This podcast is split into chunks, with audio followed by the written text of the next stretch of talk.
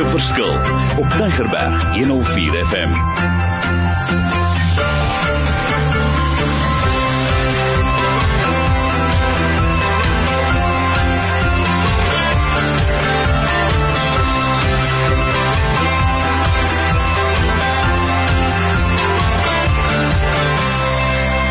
Dit is leierskap, dit is 'n program wat gaan oor hoe maak ons 'n verskil in die lewe daar buite. Ons het al lekker gesels, sessie 1 2 3 4 5 6, maar vandag wil ons oor 'n baie sterk boodskap gesels and now it's all about how do I finish well? And I'm going to ask Bruce to integrate some of his wisdom again, his experiences, published books and material on this topic. And I know there are people outside so listen, Mario, how can I get involved? And that to me is crucial because I want you to get involved. I want you to take this stuff. I want you to run with this stuff also. But we're going to talk about this topic, finishing well. Why is it so important? What do you want to hear one day at the end? Where does accountability fit in? So my two special people, Bruce Bruce and his friend Leon spent some time of quality time with us so far. So I'm not going to spend too much time or taking up another minute or two. I want to jump in and I want to ask again Bruce, why is this so important? We can talk and talk about leadership, but eventually we want to finish well. And a lot of people derail in the last part of their lives and they're starting to give up and all these type of things. Any advice that you have for us for, as leaders? A couple things. First of all, to finish well is what the, the Lord calls and asks us to do. And He says, Well done, good and faithful servant, enter into the joy of your master.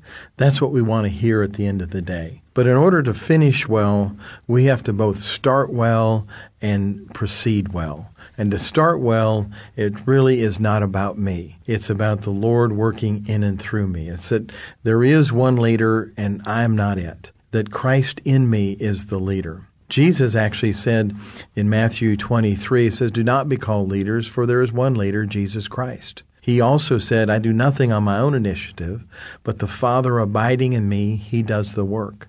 And so in my own life, I've had to come and see that it's it's not about just my efforts and my skills and what I bring to the table and how great and grand I am.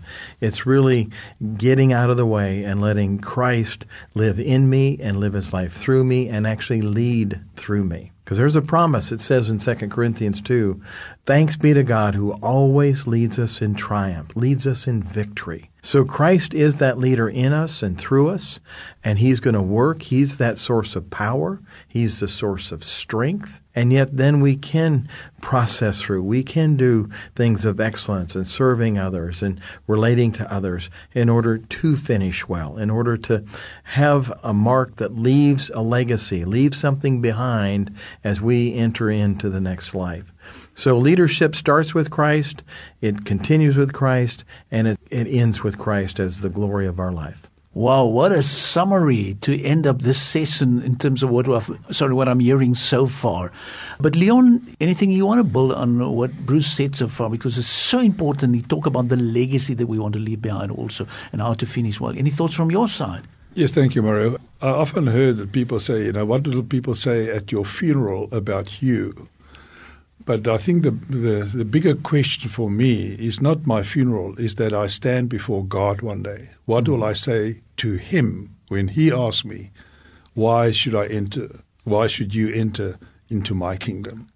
So I need to prepare myself for that question. I need to my, prepare myself for that occasion when I stand before God.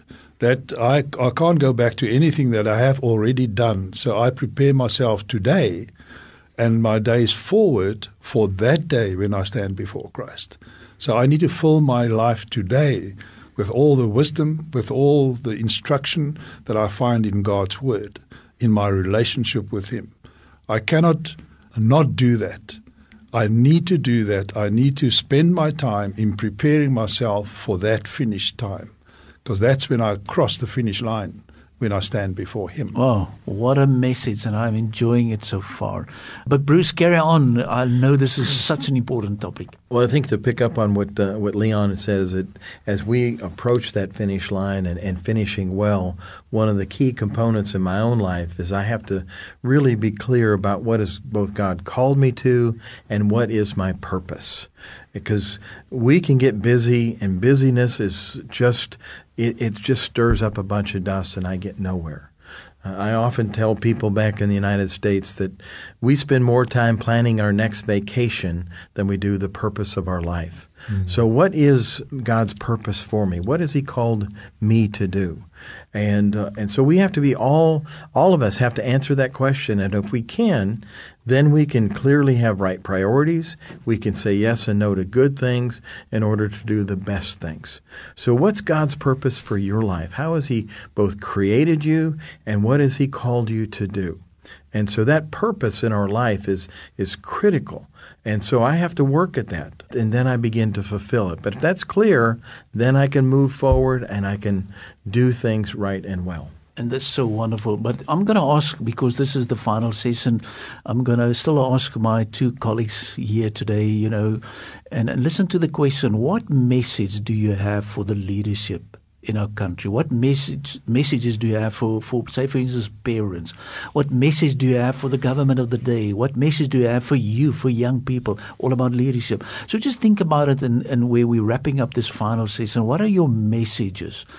I know from my side this is so important uh, because we talk about leadership. So keep on thinking, and, and Leon, I'm going to start with you, and then I'm going to ask Bruce just to close. But what message do you have for our leaders in our country, in the world today, for our parents? You can carry on, you can elaborate. What message do you have for us?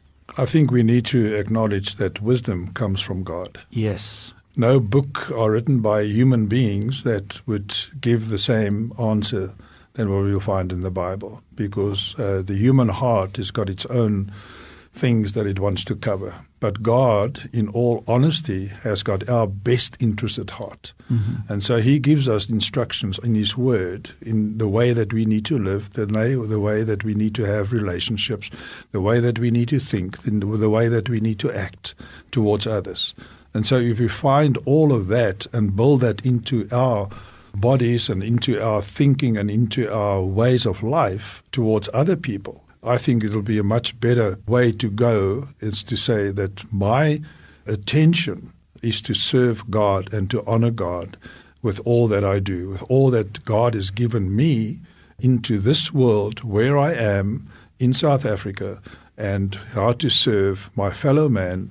Doesn't matter what scale of life they live at or I live at but that my responsibility is towards God and His honor.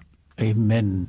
And Bruce, I know you're going to fly back and all these type of things, but uh, your message to us and the people and the leadership also in Africa, any thoughts from your side? Any final message you want to leave with us? I think, yeah, there's several things. I think first of all is that we have to examine ourselves, and I have to make sure that Christ is first and foremost in my life. It mm-hmm. says, Seek first the kingdom of God and his righteousness, and all these things shall be added unto you. So we seek after many things, but if I don't start with Christ, I will not accomplish them. So we've got to start with Christ in my life. But then it takes a humble spirit. Some I've got to be that servant. I've got to humble myself because God says he's opposed to the proud but gives grace to the humble. And so when I humble myself and I serve other people, God is the source of my strength. He is the source of my wisdom. And He then allows me to love other people, to lift up other people, to empower other people. This idea of relationships and leadership. And then at the end of the day, more is accomplished. And the people would say, We did it ourselves. But it's we, as we give our life away, that we then gain it. Jesus said, Lose your life and you will gain it. You try to keep your life, you will lose it.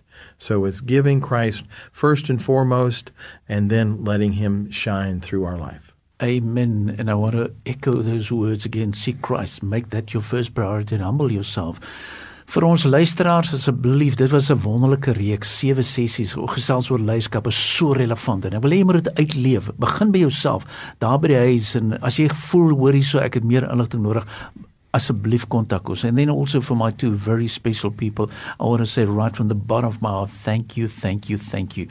May the goodness and the mercy follow you all the ways and may you keep on implementing and keep on sharing your wisdom. Uh, Bruce also have done a lot of work the same with lots of wisdom from Leon but if you need some additional information contact us for details. I would love you to have his uh, website and further information. Uh, so there's some brilliant information. So ek wil vir julle ook baie dankie sê. It was really special. I love love my job. But I want to give recognition to our three consultants. You know who they are? The Father, the Son and the Holy Spirit. And the Spirit. Amen. So ek wil hê gaan maak 'n verskil in lewe daar buite. Jy kan dit doen. Hou met my kontak. My nommer is 082 882903. Kom ek herhaal 082 882903. Be blessed.